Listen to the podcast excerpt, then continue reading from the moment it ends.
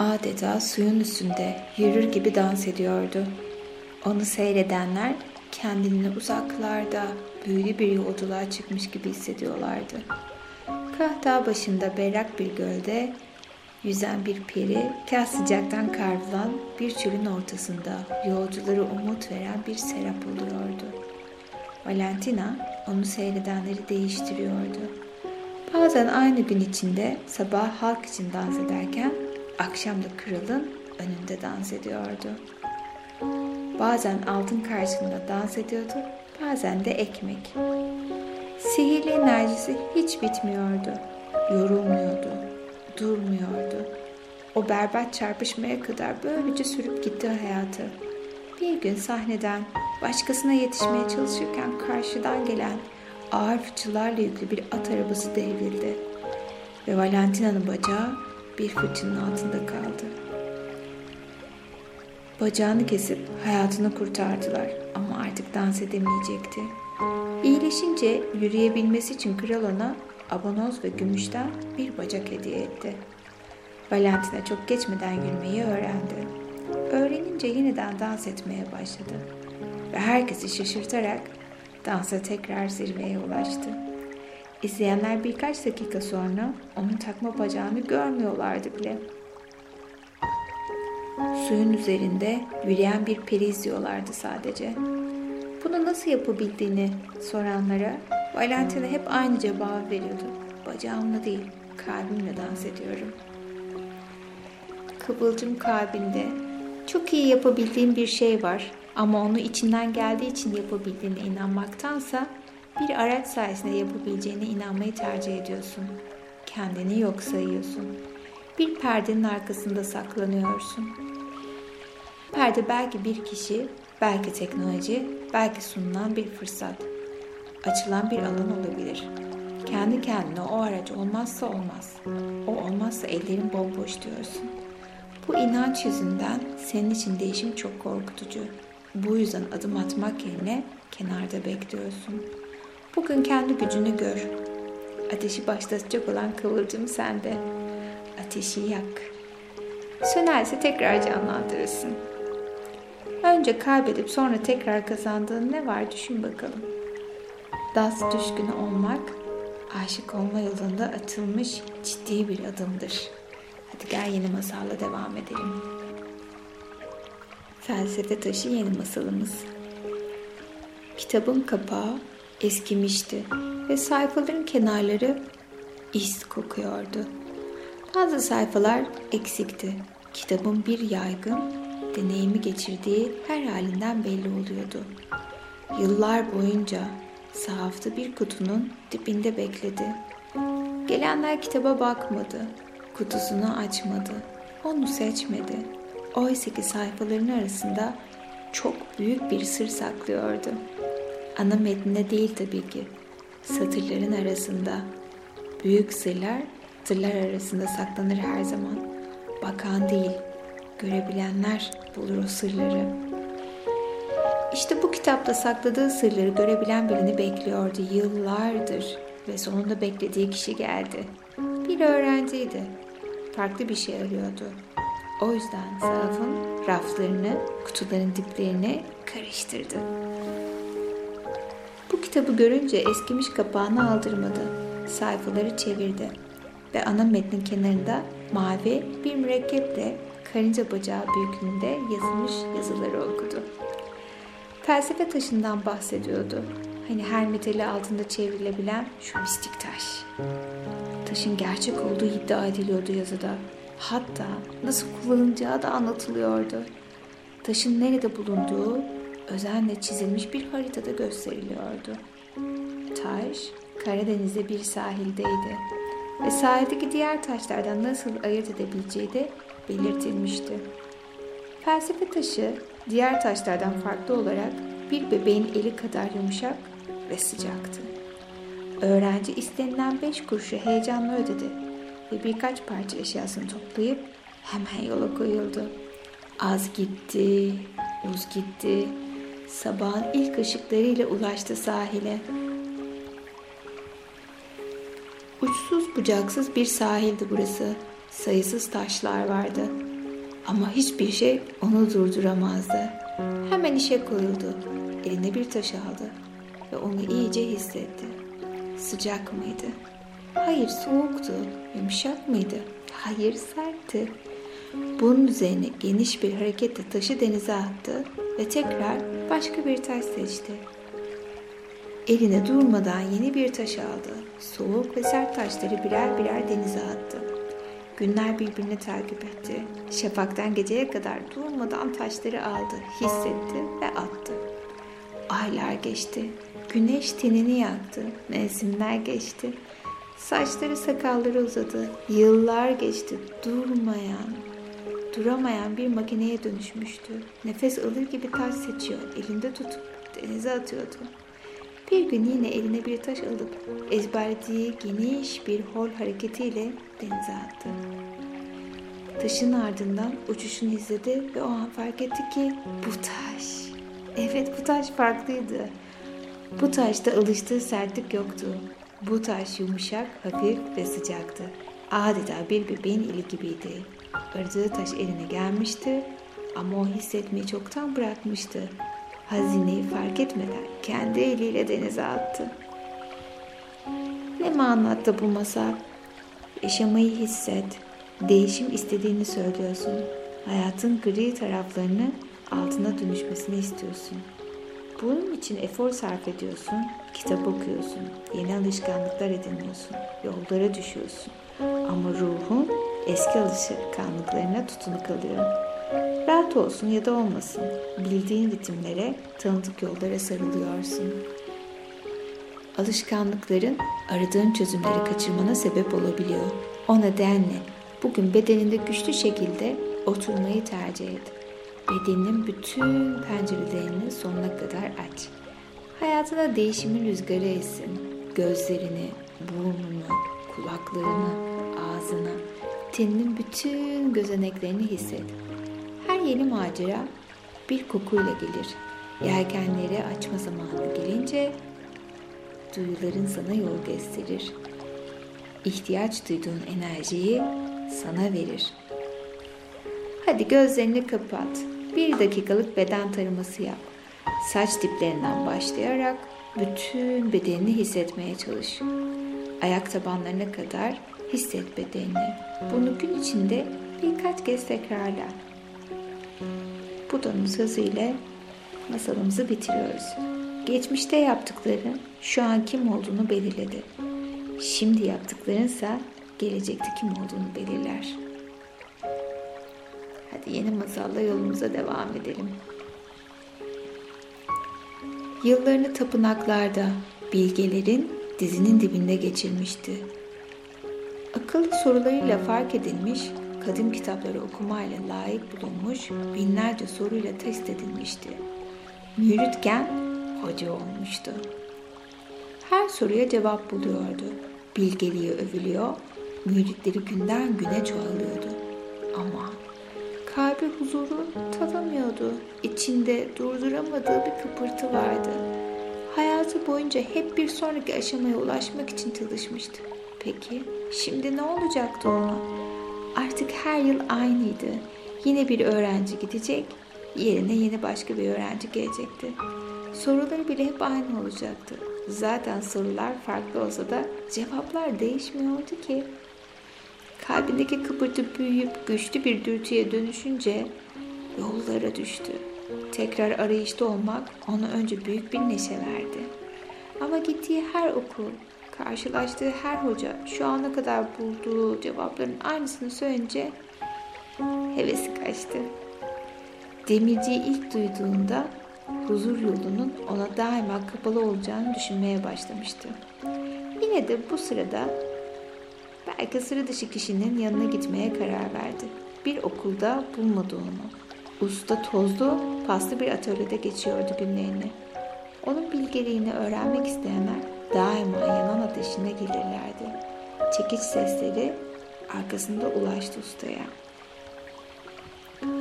Demirci hiç işine ara vermeden kolu ne kadar serse o kadar yumuşak bir sesle ne aradığını sordu misafirine. Hoca fısıldadı. Huzur. O zaman ipi çek diye karşılık verdi. Demirci ve eline körüğünün ipini tutuşturdu. Hoca ipi çekti. Ateş canlandı. Kıvılcımlar uçuştu. Usta tuttuğu demir parçasını kıpkırmızı korlara soktu. Hoca ipi tekrar çekti. İlk hafta böyle geçti.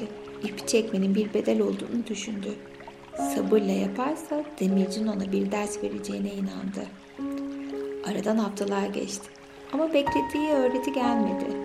O zaman soru sormaya başladı. Parlak zihni geçmişte bu şekilde fark edilmişti zaten.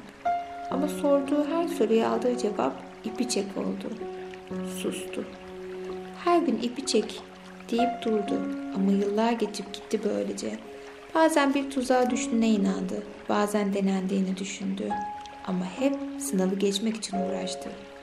Sonunda bir öğreti gelmeyeceğini kabul etti ama ipi çekmekten vazgeçmedi. Artık sabır ihtiyacı yoktu çünkü. Çünkü hiçbir şey beklemiyor, sadece ipi çekiyordu. Bütün kabiliyetiyle ve bütün kalbiyle sadece ipi çekmek ona huzur veriyordu. Konuşmadan on yıl geçmişti. Usta bir gün omuzuna dokundu. Hoca ipi bırakıp döndüğünde usta ile göz göze geldi. Derin bir nefes aldı. İçinde huzurla dolu bir kuyu hissetti. Evine dönme zamanı gelmişti. Öğrencilerine, ağaçlarına, bahçesine, esen rüzgara. O günden sonra kuyusunda su içenler derin bir huzura kavuştular. Peki ya sen hala seviye atlamayı bekliyor musun? Hayatın bir video oyunu değildir. Her başarıdan sonra bir ödül almak, her dönemden sonra bir üst seviyeye geçmek zorunda değilsin. Zihnin alt üst, az çok gibi kavramlarla tutunsa da kalbin için az, çok olabilir. Aşağı gitmek seni yükseltebilir. Kalbin için tek gerçek merkezinde kalabilmektir. Beklentisiz yaşadığın her an içindeki kuyuyu doldurur. Sonuç için yaşamayız. Çünkü bu hayattaki tek hedef yaşamaktır. Dev ağaçları sağlayan rüzgarı fark et. Onu teninde hisset. Taşıdığı çiçek kokularını içine çek. Yaşamak zannettiğinden daha az efor istiyor. Zaten asıl zor tarafı da bu. Şimdi nefes veriyorum, şimdi nefes alıyorum. Şu an bulunduğun süreçten beklediğin sonuçlar neler mesela? Bir liste yap. Sonuç beklemek aynı keyifle yaşamana engel oluyor mu? İyi bir yolculuk yapmak varmaktan daha. Hadi yeni masalla yolculuğumuza devam edelim. Bir varmış, bir yokmuş. Küçük bir balıkçı köyünde bir sahilde bir kulübede kulübenin önündeki iki ağaç, iki ağacın arasında bir hamak, o hamakta sallanan bir balıkçı varmış. Balıkçı her sabah erkenden balık tutmaya gidermiş. Üç tane balık yakaladığında denize teşekkür eder, oltasını kulübesine kaldırırmış. Deniz balıktan yana bereketli olduğu için üç balığı yakalamak öyle uzun da sürmezmiş üstelik. Balıklardan birini yer, ikisini de satarmış. Kazandığı para azmış ama paraya ihtiyacı da pek yokmuş ki zaten. Günün geri kalanında köyünde güneşin keyfini çıkararak geçirirmiş. Günlerden bir gün yine hamakta sallanıp hayal kurarken bir ses onu düşlerinden çıkartmış. Kafasını kaldırdığında karşısında göbekli bir adam görmüş. Adamın sıcak havaya rağmen ceketini ve şapkasını pahalı göründüğü için üzerinden çıkartmadığı belliymiş. Bu yüzden güneş altında eriyen kocaman bir buz parçasına benziyormuş. Balıkçı adamın tüccar olduğunu hemen anlamış. Adam balıkçıya satacak balığın var mı? Elinde kaç tane var? Hepsini alırım demiş. Balıkçı da adama satılık iki balığı olduğunu, onları da çoktan sattığını söylemiş. Bu cevaptan sonra adamın gideceğini düşünmüş ama adam yeniden bir ona bakmış ve kıpırdanmaya başlamış. Bizim balıkçıya fal taşı gibi açılmış gözlerle bakıp peki denizde balık kaldı mı diye sormuş. Evet tabii ki denizde balık kalmıştı. Balıkçı kibarca konuyu açıklamış. Ancak tüccar o zaman ne duruyorsun burada? Bak müşteri kapına kadar geldi. Bir zahmet kalk balık yakala demiş. balıkçı günün üç balığını çoktan yakaladığını ve daha fazlasına ihtiyaç duymadığını söylemiş. Tüccar bu sözleri hayatında duyduğu en komik şeymiş gibi gülmeye başlamış. Elbette bundan daha fazlasına ihtiyacım var. Nerede ve nasıl yaşadığını görmüyor musun? Dinle beni. Üç değil, altı balık yakalarsan karın artar ve birikim yaparsın demiş. Balıkçı bu birikimle ne yapacağını sorunca tüccar yine gülmüş ama sabırla açıklamış. Birikim yaparsan kendine bir sandal alırsın. Onunla denize açılır, aile daha fazla balık yakalarsın. O zaman günde az değil, yüzlerce balık yakalarsın ve çoğu para kazanırsın demiş. Balıkçı yine o parayla ne yapacağını sormuş. Ne mi yaparsın? O parayla daha büyük bir tekne alırsın. O teknede sana yardım edecek adamlar çalıştırırsın. Böylece her gün yüz değil bin balık yakalar, çok daha fazla para kazanırsın demiş. Balıkçı bir kez daha o parayla ne yapacağını sormuş. Tüccar küçük bir çocuğa anlatır gibi dersine devam etmiş. O zaman birkaç tekne daha alırsın. Onlarla ilgilenecek bir işletmeci işe alırsın ve artık senin için her gün onlarca adam çalışırken sen keyfine bakar, canın ne istiyorsa onu yaparsın. Hatta istersen bütün gün bir hamakta sallanırsın bile demiş. Balıkçı gülerek İyi de ben onu zaten yapıyorum. Üç balım aynı işi görürken neden bin balık peşinde koşayım ki diye cevap vermiş. Ve başını tekrar hamağa yaslayıp dünyanın bitmek bilmez yarışını sallamadan sallanmaya devam etmiş. Güzel bir amacın peşinde yoğun olarak çalışmak harika bir şey. Ama yoğun çalışmanın sebebi onay almak, sorgulanmamış alışkanlıkları herkes yapıyor diye yapmak veya ihtiyacından daha büyük bir gelir elde etmek için yoğunlaşmayı reddet. Kendine mesela şunu sor. Bu uğraş ruhuma iyi geliyor mu? Beni besliyor mu? Yaptığım iş aradığım değişimi vaat ediyor mu? Dünyaya veya çevreme fayda getiriyor mu? Bu sorulara evet diyorsan gönüllüsün demektir. Senin için uygun olmayan hayır deme izni ver kendine. Bir şeye hayır demek bazen kalbine evet demektir. Hayatında şu ana kadar seni mutlu eden işin ne olmuştu bir düşün bakalım. Sadece yaşamak, daha fazla görebilmek için, daha az şeye bakmak, daha fazla yapabilmek için, daha az şey yapmak, daha fazla şeyi sahiplenebilmek için daha az şeyi satın almak demektir. Hadi yeni masalla gecemize devam edelim. Tren kalabalıktı. Bütün koltuklar dolu, koridorlar insandan geçilmiyor. Kapıların önü bile tıkış. İki yolcu vagonun açık kapısının eşiğinde oturacak kadar yer bulmuşlar. Bacakları dışarı doğru sallayıp sohbet ederek gözlerinin önünden geçen dağların, köylerin ve vadilerin güzelliğini içlerine çekerek yolculuk ediyorlardı. Birden trende ani bir sarsıntı oldu ve yolculardan birinin ayakkabısı ayağından fırlayıp aşağıya düştü. Bunu gören yolcu hızlıca iki ayakkabısını çıkartıp bütün gücüyle birincinin düştüğü yere doğru fırlattı. Arkadaşı şaşkınlıkla ona bakarak bir ayakkabının düşmesi yeteri kadar kötü değilmiş gibi ne diye öteki ayakkabımı da fırlattın dedi. Yolcu gülerek açıkladı. Tek ayakkabıyla ben ne yapabilirim ki? Geçtiğimiz köyde bir düşürdüğüm ayakkabıyı bulabilir. Ama o da tek ayakkabıyla ne yapsın ki? Ama ikisini birden bulursa çiftini tabanlayıp kullanabilir. Kaybettiğim şey başka birinin işine yarıyorsa o zaman kaybolmuş sayılmaz. Ya bu güzel masal ne anlattı bize?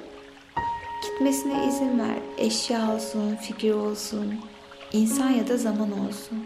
Bir şeye tutunmak enerjini tüketir. Kullanacağın tohumları ekip, diğerlerini rüzgara bırakma zamanı geldi. Vazgeçmek seni hafifletir. Vazgeçmek seni kanatlandırır. Hafiflemek senin için neye benzer? Düşün bakalım. Vazgeçmek daha çok iyisine yer açar. Aslında vazgeçmek tıpkı elimizde uçan bir balonun ipini bırakmak gibi bizi özgürleştirip hayallerimizin gerçek olmasına yardımcı olabilir. Bazen tutunduklarımızı kendi kalp hapishanemize kapatırız. O yüzden her düşümüzü, her hayalimizi, her isteğimizi gökyüzüne, yukarıya doğru bırakıyor ve kendimizi oldu bilme enerjisine bırakıyoruz. Bizim için her şeyin hayırlısı en doğru zamanda olacağına inanarak bırakırız. Gecenin masalları sona erdi. Ve şimdi güzel bir uykuya kendini bırakıyorsun. Derin ve güzel bir uykuya dalıyorsun. Ve sabahleyin uyandığında kendini hiç olmadığın kadar hafiflemiş, huzurlu, mutlu hissederek uyanıyorsun. Ve her geçen gün kendini daha dinlenmiş, daha huzurlu ve daha mutlu hissederek uyanıyorsun. Ve biliyorsun ki bedenin, ruhun ve zihnin muhteşem bir uyum içinde ve her geçen gün kendini bu güzellikleri yaşamayı seçiyor ve kabul ediyorsun. Derin bir uyku için kendine izin ver. Güzel uykular.